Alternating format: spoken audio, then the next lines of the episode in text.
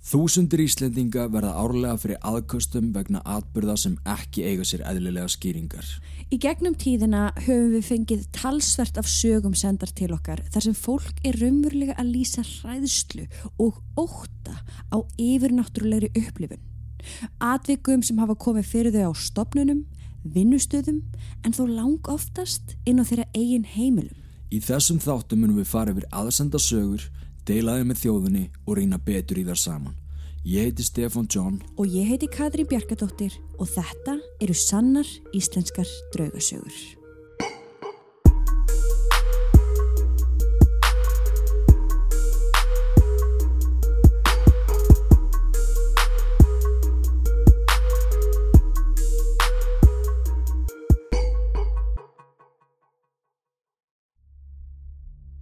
Eftirfarandi sögur eru sannar og koma frá fólki úr öllum stjættum þjóðfélagsins.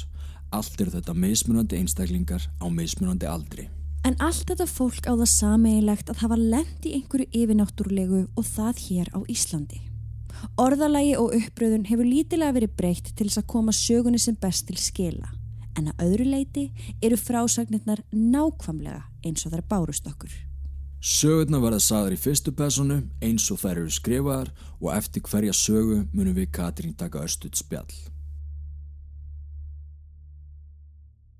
Saga 1. Stelpan á ganginum Ég er með sögu af draugagangi sem er ný skeið. Við fjölskyldan vorum orðin leið á að leia í Reykjavík og ákváðum að kaupa okkur hús á Selfossi. Fundum fallegt hús sem er nú ekki nema 20 ára gamalt. Andin var góður í húsinu og við vorum nýbúin að koma okkur fyrir í því þegar ég sá út undan mér nokkru sinnum eins og einhver væri að hlaupa út úr borstofunni inn á söfnherbyggiskangin. Ég hristi þetta samt alltaf af mér og hugsaði að þetta væru annarkost krakkarnir eða sjóntröflanir.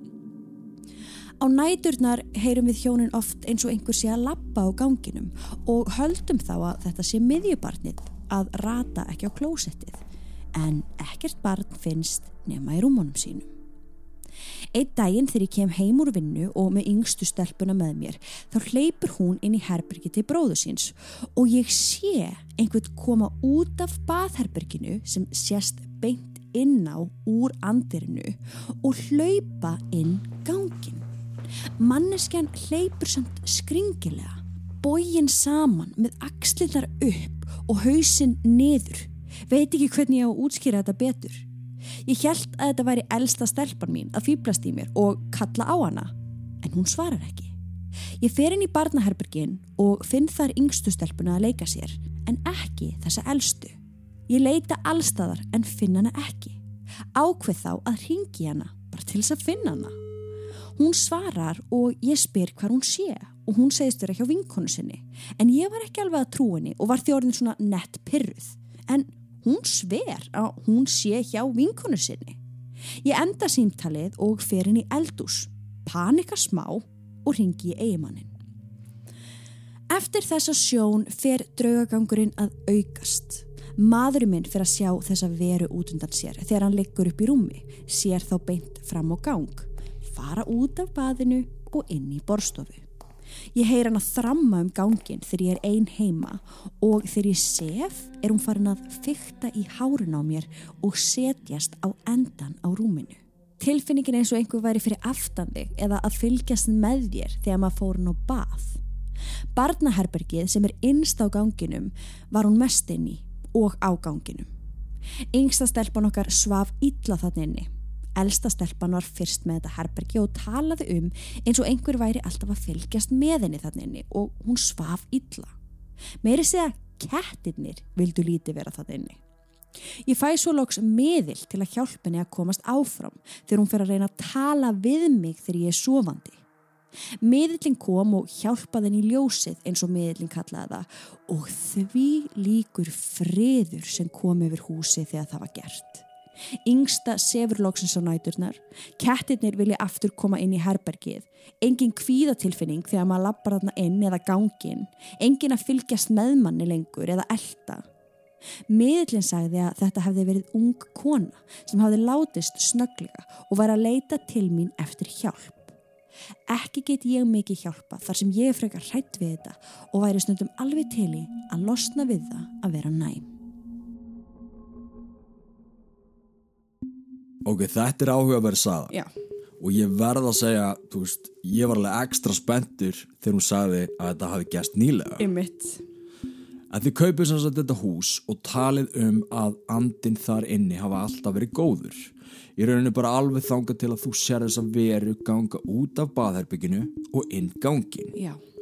Og eftir að hafa gengið úr skuggum að dóttiðin væri ekki heima, þá segist að hafa farið hans inn í eldús og fengið nett panik sem ég skil líka alveg fullkomlega. Að því svona meða við lýsingarnar þá virtist hún sjá þessa konu mjög vel Mhm.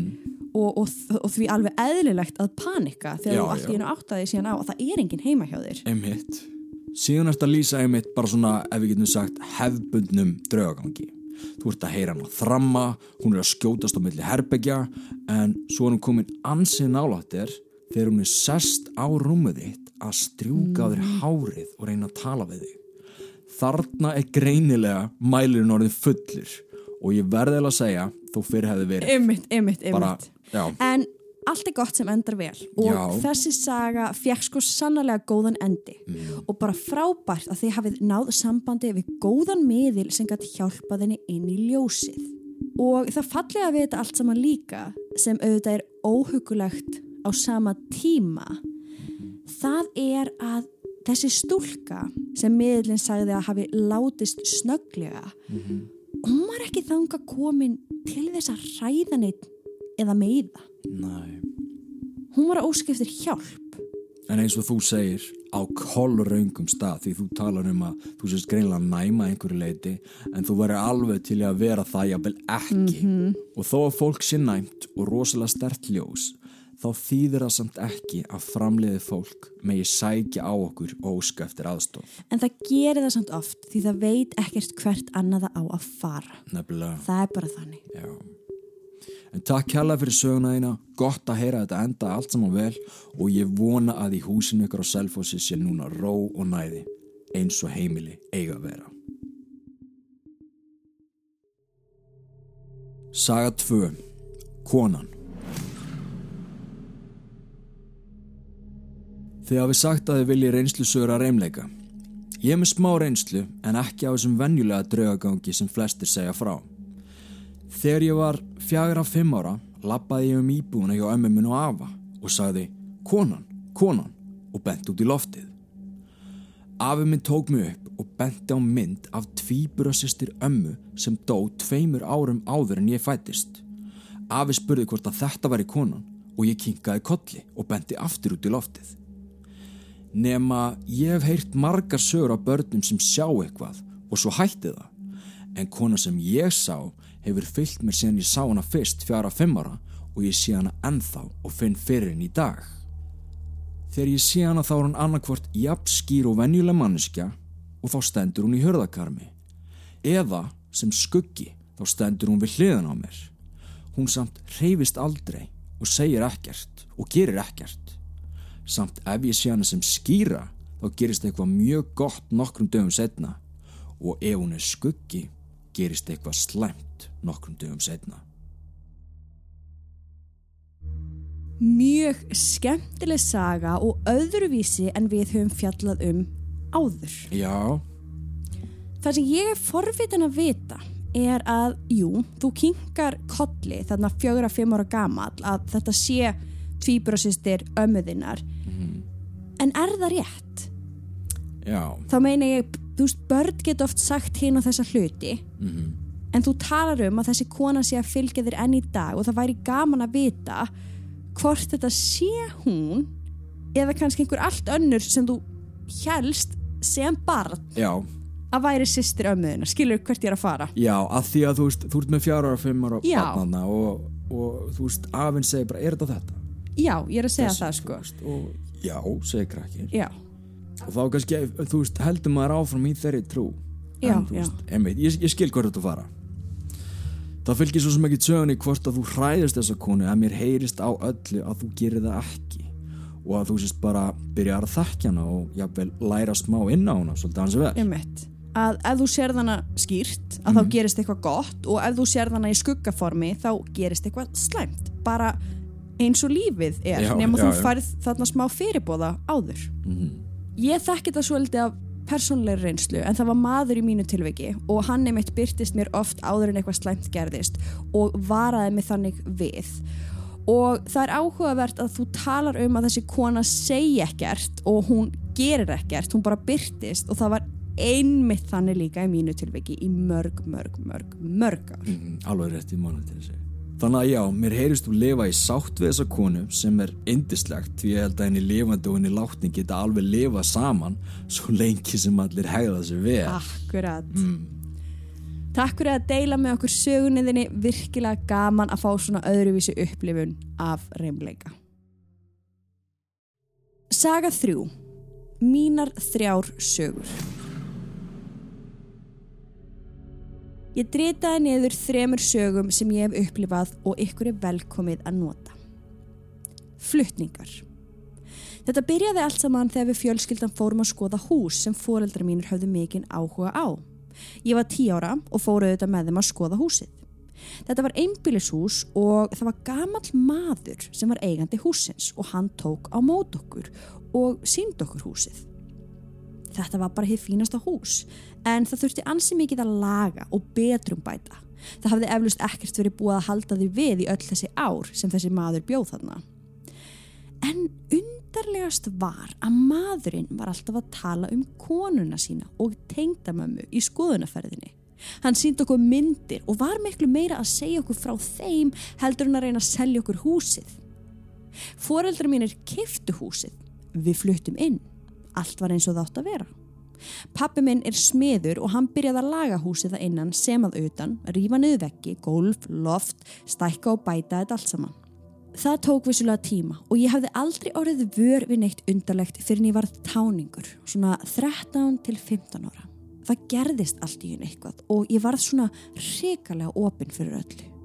Ég hafði verið skegg eða opinn sem lítið barn þó ég mun ekkit eftir því en foreldra mínu sögðu mér sögu hvað ég var næm og sá hluti og skinnjað eitthvað sem var ekki sjáanlegt. En ok, þegar ég var táningur það fór allt að opnast hjá mér. Ég byrjaði að skinnja og sjá hluti og var mjög hrætt. Ég vissi ekkert hvað var í gangi og fannst ég vera pínu að missa vitið. Það var eins og eitthvað í húsin okkar væri að ásækja mig. Ég fann yfirþyrmandi tilfinningar, ströyma sem sóttu að mér upp úr þurru, ég sá skuggaverur móta fyrir, ég sá konurnar í allri sinni dýrð setja inn í stofu eða bregða fyrir inn í eldúsi. Heyrði rattir eða meira svona samtöl og heyrði eins og einhver væri að elda inn í eldúsi. Hljóðið var eins og skúffur væri opnaðar og lokaðar og ég heyrði bara svona venjulegan eldús umgang eins og heyrist þegar fólk er að elda. En þar var auðvitað enginn. Stundum fór sjónvarpið í gang upp úr þurru eða ég hafði pásað bíómynd og hún fór í gang og þá búið að hækka í hljóðinu verulega. Ég átti líka páfagauk á þessum tíma sem svaraði flöyti frá fólki. Hún flöytaði alltaf á móti ef einhver flöytaði til hennar. Ég heyrði mjög oft einhvern ósynilegan flöyta tvísvar og páfagaukinn minn flöyta tilbaka. Ég man hversu ótrúlega hrætt ég var á þessum tíma. Mér leið eins og ég væri partur af hryllingsmynd. Ég hafði útbúið tugi krossa sem ég klifti og limdi á veggin við rúmið mitt. Ég bar þrjá silfur og gullkrossa um hálsin. Ég bað bænir nokkru sinnum á dag og hjælt fast í krossana mína til að byggja þetta um að stoppa og fá vernd. Ég átti erfitt með að vera ein heima því allar skinjanirnir voru yfirleitt þegar ég var ein heima á daginn eða þá kvöldin þegar ég var að fara að sofa. Við komumst að því að konurnar sem gamli maðurinn sínd okkur myndir af, þær voru í húsinu. Þess vegna var hann örgulega að sína okkur myndirnar og segja okkur frá þessum konum. Það er ekkert illt aðna en þær voru virkilega að láta vita af sér. Þær höfðu sógast að mér eins og flugur að ljósi og gert alla þessa hluti til þess að fá aðtegli og viðurkenningu. Einn daginn fekk mamma mín nóg þar sem ég var að sturdlast úr hræðislu. Ég vissi ekkert hvernig ég ætti að lifa svona skegn og opinn án þess að vera svona hrætt. En mamma mín tók kúst og lappaði út um allt hús og talaði mjög ákveðið, hátt og skýrst. Látið hana í friði. Við veitum að þið eru hérna, hún veit að þið eru hérna, hættið að ganga svona á hana dóttu mína. Þið megið vera hérna en látið hana í friði. Ég kjökraði á eftir mömmu sem ég fannst vera algjörlega gjörsanlega beluð að labba með kúst að segja þessa hluti út um allt hús en ótrúlegt en satt ásóknin stoppaði. Ég hef upplifað umgang í húsinu en ég upplifði ekki lengur þessa tilfinningu eins og það væri verið að ganga harkalega að mér. Núna mörgum árum síðar ef ég kíki heimsók til foreldra minna og er einn þar inni þá heyri ég stundum ennþá umgang í eldúsnu eins og einhver sé að eld eitthvað gómsætt en engin er sjáanlegur. Vakin upp Næsta atvik gerðist þegar ég var sofandi fyrir nokkrum árum. Ég var ein heima, maðurinn minn var að vinna á bar og kom senkt heim á nóttunni á þessum tíma. Ég man að þetta kvöld fór ég frekar snemma að sofa en vaknaði síðan um miðnætti við það að maðurinn minn var komin heim. Ég reisti mig upp úr rúminu og kallaði til hans. Hæ, ertu komin heim svona snemma? Var lítið að gera á barnum í kvöld? Maðurinn minn lappar inn í herbyrgitímin, sest á rúmstökin hjá mér en svarar engu. Það er dimt svo ég sé bara dögt yfirlit og bregða fyrir köplóttu í skirtunans. Hann stendur síðan upp og lappar fram hjá rúminu í átt að sínum helming án þess að svara. Ég spyr hann, er ekki allt í lægi? Af hverju svara hann mér ekki? Síðan kveiki ég ljósið og þá er engin. Maðurinn minn var ekki komin heim. Þannig að hver í óskupunum var þetta. Það var alveg ótrúlegt að ég var ekkert hrætt við þessu upplifun. Mér leið mjög vel og fann svona góða tilfinningu með þessu manni. Hver sem þetta nú var. Húsið hjá ömmu og afa. Sögurnar og upplifanirnar eru ansi margar sem gerðust í húsinu hjá ömmu og afa. Ég hef upplifað lítið brot við að við frængum mín og frænda sem þarna byggu. Í stuttumáli þá átti amma mín ekki auðvelda æfi. Fóreldrar hennar leta hana frá sér og hún ólst upp annar staðar en þau ólu samt upp sískin hennar. Blóðfóreldrarnir átt að hafa verið vondu við hana og sagan segir að þau sé í húsinu að láta yllum látum að því að þeim vantar fyrirgefningu ömmu minnar til að geta haldið áfram inn í ljósið. Þegar ég var þryggjára þá bjó ég í kjallari íbúðin í húsi ömmu og afa með fjölskyldunum minni í áriða svo á meðan þau voru að sapna pening fyrir íbúð. Að þeirra sögn þá var ég gjörsamlega sturdluð af hræðslu og þorði ekki vera þarna niðri. Ég öskraði, grét og barðist á móti ef þau ætluð að láta mig sofa eina og ég vaknaði öskrand af hræðslu ef þau voru ekki hjá mér. Þau sáu á mér að ég var að sjá og skinni eitthvað sem þau ekki sáu. Ég þorði aldrei að leika mig þarna niðri og hljóp alltaf upp í ömmu og afa íbúð. Sískinni mömmu höfðu upplifað alls konar vonda hluti í húsinu þegar þau bygguð þarna. Bróðir mömmu var til dæmis oft vakin á nóttunni af manni sem stóð yfir rúminans og starði á hann yllum augum. Sistri mömmu upplöði að vera niður í kjallaraeldúsinu og loka hurðinu og ekki komist út eins og einhver væri að halda í hurðarhúnin til að halda henni þann inni. Amma og afi voru mikið á spáni og fórum ég og mamma reglur í húsi til að vöku að blóminu fyrir þau en amma var alltaf að tunglast á því að ég ætti ekki að vera mikið eini í húsinu, það er eitthvað ekki gott þarna. Hún aði sagt þetta svo oft við mig í gegnum tíðina og vissi ég alveg að það var eitthvað þarna en dætti ekki hug að það væri endilega eitthvað illt.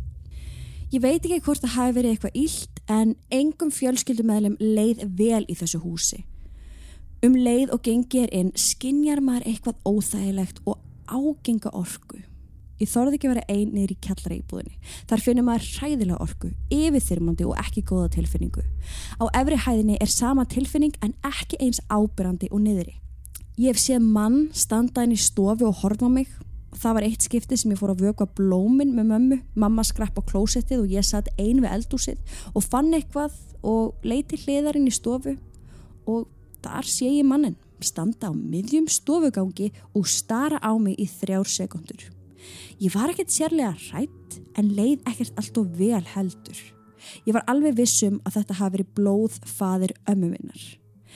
En ég hef aldrei sé mynd af blóðfóreldurum hennar svo ég hef ekki hugmyndum í rauninni hver þetta var. En þetta er líklega sami maður og stóð yfir bróðuruna mömmu á nóttinu og starði á hann. Amma og afi byggu í húsinu öll sín ár þar til fyrir fimm árum síðan er þau fóru á elliheimili. Þann tíma sem þau bygguð þarna gerðust margir mjög neikvæðir hlutir. Rosalegri yfirildi, neikvæðni, drikja, ofbeldi og mjög óheilbriður lífstíl. Þau einangruðu sig með tímanum þar til vinir urðu engir. Fjölskyldan fjarlæðist og þau enduðu ein og óhamingisum því meður. En Þannig vildu þau hafa þetta. Ætli andarnir hafi átt eitthvað í hlut hvernig líðan þeirra þróaðist í gegnum árin í húsinu þeirra. Núna í dag er húsið selt, sem fjölskyldaði fluttinn og spurning hvort að þau finnir það sama og við fundum í húsinu. Ok, hér er margt sem þarf að fara yfir og við getum örgulega búið til heilan podcast átt þar sem við getum bara ringt í hvert einasta atvik í þessum þrejum sögum. Akkurat. En við skulum skoða, þú veist, þessi allra helstu. Já. Þú talar um að hafa upplifað hluti um 14-15 ára aldurs og greinlega bara hansi harkalega. Þú talar líka um að pappiðin hafi farið í framkvæmdir sem við vitum að getur espað upp draugagang í húsum. Þú varst greinlega að finna fyrir þessum konum sem maðurinn talaði um mm -hmm. áður en að hann seldi ykkur húsið og mjög líklega, ég mislegt annað en á milli. Ég þekki tilfinninguna að halda að maður sé að missa vitið. Sérstaklega þegar skilningavitin eru svona rosalega opinn og maður kann ekkert að stjórna þeim. En við erum búin að ræða það okkur á millisteppi. Það sem okkur fannst best við þetta allt saman var hvernig mamma þín tæklaði þetta með sópin. Já, alveg bara af, af því það er, það er nákvæmlega svona sem þú átt að tækla draugagang mm -hmm. og það er ekkit endilega sópurinn sem var að virka heldur þessi sterka tilfinning sem mamma þín fann sem gerði það verkum að hún tók upp sópin og skipaði öndunum að láta þið vera Þannig bara nota röttina. Nota tilfinningarnar og gefa skipanir og setja mörg. Mm -hmm. Og þú segir einmitt að það hafi virkað. Allavega upp að einhverju marki. Já. Og þetta höfum við meiri sér sagt til fólk ef við erum að fara í heimahús. Já, já. Þetta er ráð sem við gefum þeim alltaf. Það að tala hátt og skýrt. Og setja mörg og bara með innlifin bara frá hjartanu þínu mm -hmm. að meina það sem þú ert að segja. Og ef það hjálpar að nota kúrstskaft eða taka pönnu eða, eða hafnaboltakilfu já, gerðu það þá líka. Algjörlega. En talaði bara hátt og bara af innlifin Þá er það næsta saga. Með manniðinn sem kom heim úr vinnunni en svo var þetta ekki maðurinn þinn. Nei Ég er forvitin að vita, kom hann heim stuttur setna eða fórstu bara aftur að sofa og hann kom um morgunin? Mm. Þú veist, var... Var þetta fyrirbóðið? Já, ymmit, að mm. þú talar um að hérna, þú hafið ekki verið neitt rúslega hrætt, mm. þér hafið liðið bara allt í lægi, sem er kannski ekki endilega vennjan þegar maður lendur í svona atviki, mm. skiluru, ef þú lendur í því einhver, að þú finn, sérði eitthvað komin í svefnbyggið -hmm. og setjast á rúmið þitt já, já, svo kveikir í ljósið og þar er engin mm -hmm. hræðsla svona sem ég dættu fyrst já, svona sko. fyrsta. Og, og það sem eins og þú segir ætla þetta hafi ekki bara verið þarna fylgjan hans. Já, sem er svona, eða bara svolítið íslenskt fyrirbæri sem við hefum búið til að því það eru svo margi sem hafa lendt akkurat í einhverju svona ástvinni mæta svæði aðeins áður en hann raunverulega mætir. Akkurat þannig að, jú, það geta alveg bara mjög vel verið og númið þrjú þá er þetta að tala um hús þar sem mikið af fólk gera upplifa eitthvað óútskýranlegt og óþægilega tilfinningu. Sískinni mömmuðinar og auðvitað þú líka. En endurinn er sorglegur. Mm -hmm. þú þekktur þau best og þú segir að þetta hafi verið það sem þau vildu. Þá að einangra sig og annað. Og þú spyrð hvort að líðan þeirra hafi þróast í þess að neikvæði átt í gegnum árin út á húsinu. Og það getur bara vel verið og eins og þeir sem hafa hlusta á hitt podcastu okkar, draugasögur þá vitið þið það að það er mjög algengt því miður. Já, þá að svona óþægileg hús, ef við getum kallað það Já. hafi áhrif á andlega og líkamlega heilsu fólks. Einmitt. En ég er sammála að það var gaman að vita hvernig fólkinu sem býðan í dag líður. En takk kjallaði fyrir að senda okkur þína sögur það voru allar virkilega áhugaverðar. Mjög svo Við erum hér engungu til þess að upplýsa fólk en ekki rífa upp gömul sár. Við segjum söguna eins og hún er því hvort sem fólki er líka betur eða verð þá gerðist þetta hér á þessu litla landi okkar. Við vorum fyrst til að fara með ykkur á staðinn og leif ykkur að upplifa draugagangin með okkur í rauntíma. Nákvæmlega eins og hann er. Við erum með sönnunagögn sem engin annar á Íslandi hefur náð. Það er ástæða fyrir því að við erum fremst í flokki þegar að kemur að draugagangi á Íslandi.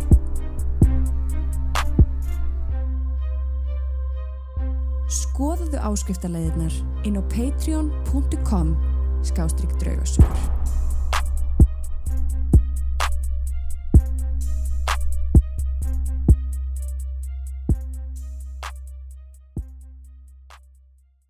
Saga fjögur. Maðurinn við bílinn. Árið 2018 var þáverandi kærasti minn að djamma með vinum sínum í Reykjavík og ég fór um fjöguleitið um nóttina og náði í þá. Það var bjart en það komið sömar. Tveir vinir kærasta minns fengu far heim. Við ákvaðum að skuttla öðrum þeirra heim fyrst en hann bjó á völlunum í Hafnafyrði. Síðan ætluðum við að skuttla hinum heim sem bjó í Breiðholtinu og eftir það myndum við halda heim í Moselsbæin. Þegar að vinur kærasta míns er farin út úr bílnum á völlunum byrja ég að keira á stað en þá segir hinn strákurinn sem við erum að skuttla að hann þurfa að kasta upp. Ég er einmitt að keira fram hjá skrifstofu Æsland Air sem er nokkra hæða hús og ég stoppa bílinn á tómu bílastæðinu. Þar sem ég er með ælufóbíu bað ég strákin vinsanlast um að fara fyrir hortnið á húsinu til þess að ég myndi ekki sjá hann. Hann steg út úr bílnum og lappaði fyrir aftan húsið sem var við hliðin á bílnum okkar. Ég og kærasti minn setjum og býðum. Það var ekkert í kringum okkur nema þetta hús, hraun og mosi. Mér er litið í baksinnispeilin og þar sé ég mann fyrir aftan bílinn. Ég sé ekki andlitið, heldur sé ég líkama og hendur í vösum á úlpu og hann nálgast bílinn. Ég horfi á þennan mann í nokkra sekundur áður en hann dettur í jörðina. Mér bræður og segi kærastanum mínum að maður sé fyrir aftan bílinn og að hann hafi dottið. Kærastinn opnar hörðina og lítur fyrir aftan bílinn en þar er enginn. Á þeim tíma sem ég sá mannin detta segi kærastanum mínum frá því og hann lítur fyrir aftan bílinn þá hefði þessi maður ekki geta staðið upp og hlaupið í burtu án þess að við hefðum séðan. Húsið sem vinur kærastum minns fóð bakvið var við hliðina okkur og við hefðum tekið eftir því ef að maðurinn hefði farið á bakvið það. Ég tek það aftur fram, það var ekkert í kringum okkur nema raun og mosi og engin leið fyrir mannin að fela sig eftir að hafa dottið. Kærasti minn segir að þetta hafi bara verið ímyndun í mér. Vinurinn kemur svo aftur í bílinn stuttu setna og ég spyr hann hvort hann hafi séð mann, en svo var ekki. Það var þá bara ég sem sá mann fyrir aftan bílinn sem gufaði svo bara upp. Ég hugsa enn þann dag í dag hvað þetta var og hvort ég hafi alvöru séð draug. Margir hafa spurt mig hvort ég hafi ekki bara verið þreytt og séð eitthvað vittlust en svo var ekki. Ég var ekki þreytt og þetta var svo skýrt að það getur ekki verið að ég hafi séð eitthvað vittlust.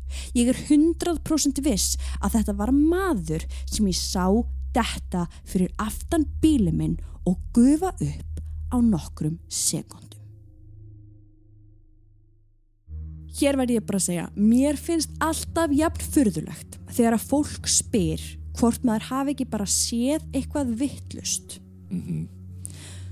þú sérð það sem þú sérð punktur Einmitt, já, við fórum yfir þetta í síðasta þætti en auðvitað getur maður séð eitthvað sem í fyrstu verðist vera óutskýranlegt Já. en frekari rannsók þá kemst maður að því að það er kannski eðlileg skýring á skugganum sem maður sér á vegnum eða öðru Mhm. -hmm. en við mannfólkið erum prógramið þannig að ef við skiljum ekki eitthvað alveg nákvæmlega þá komum við með svona kjánalega getgátur eins og að við höfum bara séð eitthvað vitlaust og, og sko, ég er nefnilega alveg til í að reyna að afsana eða finna eðlilega útskýring á því sem ég sé og finn persónulega. Þó við séum í þessum geira og séum Mhm. Auðvitað. alltaf að leita þá er það fyrsta sem við gerum er að reyna að finna bara eðlilega, skýringar.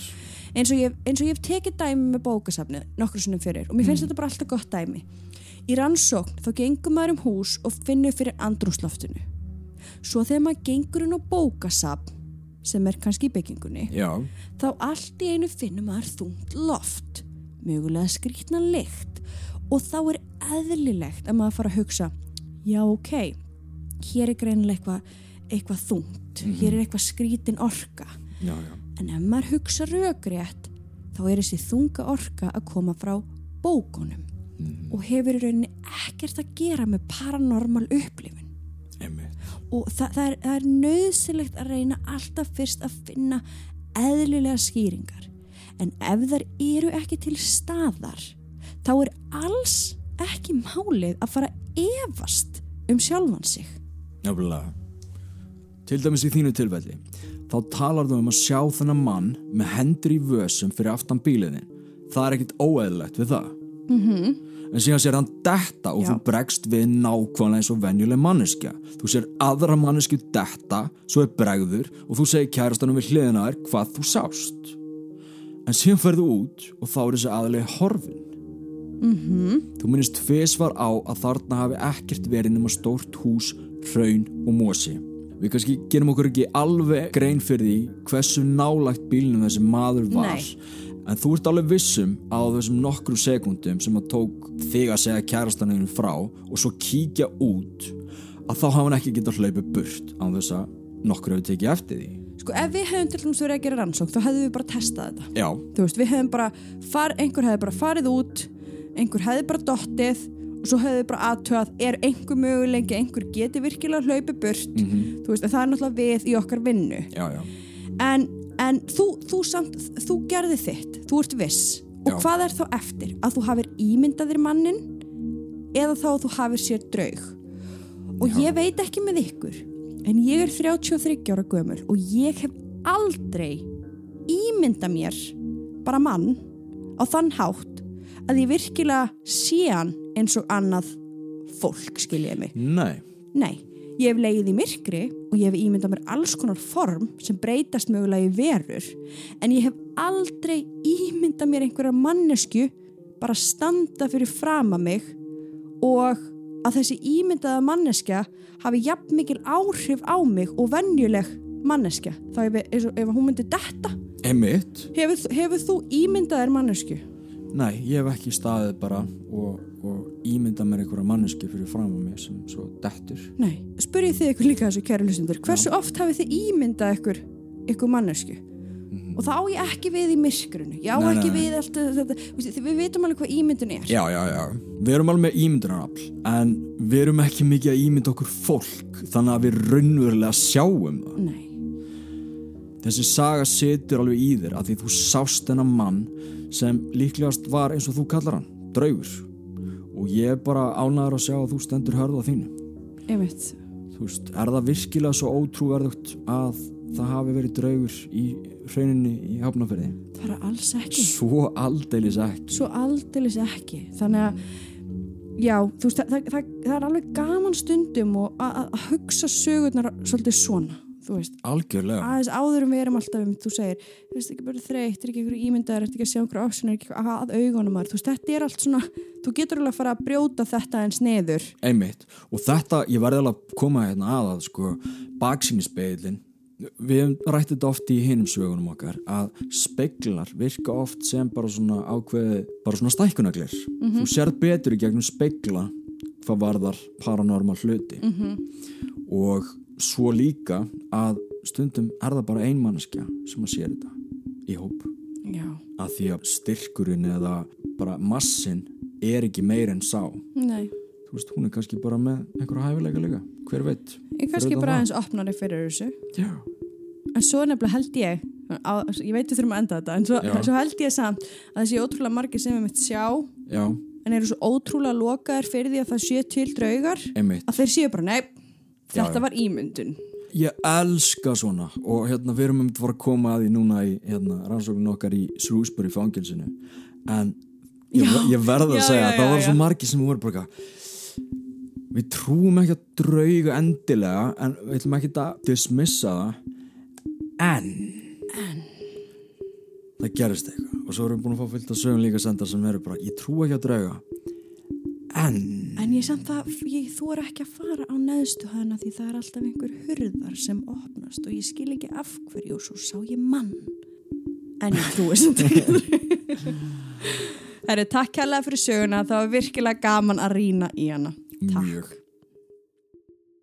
Við viljum byrja á því að þakka öllum höfundum fyrir sögur vikunar og ykkur hinnum kærlega fyrir að hlusta. Við viljum endilega hvetja ykkur til að hlusta á hitt podcastu okkar, Draugasögur podcast, en þar eru stóri hlutir að gerast eins og ég sagði það nú næst dögum. Þann 11. oktober næstkomandi erum við að fara að láta læsa okkur inn í einu reymdasta fangelsi heims í Breitlandi í þeim tilgangi að ná sönnunagögnum um líf eftir döðan.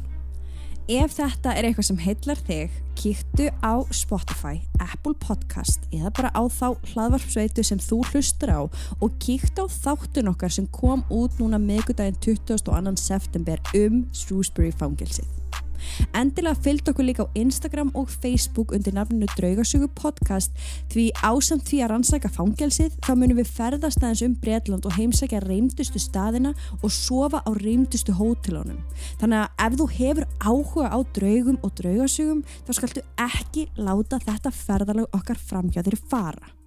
Sannar íslenska draugasögur eru vikulegt hlaðvarp sem er gefið út á föstu dögum klukkan 12 svo lengi sem við höldum áfram að fá sendar sögur frá ykkur. Þannig að við minnum á draugasögur að draugasögur.com mert aðsendar sögur. Takk fyrir að hlusta og þanga til næst. Ef þið líkaði þátturinn í dag, endilega fylgd okkur á Spotify og gjá okkur umsögn og stjörnir á Apple Podcast. Fylgstu mig á Instagram og Facebook undir nafninu Draugasögur Podcast til að missa örglega ekki af neinu. Takk fyrir og þangu til næst.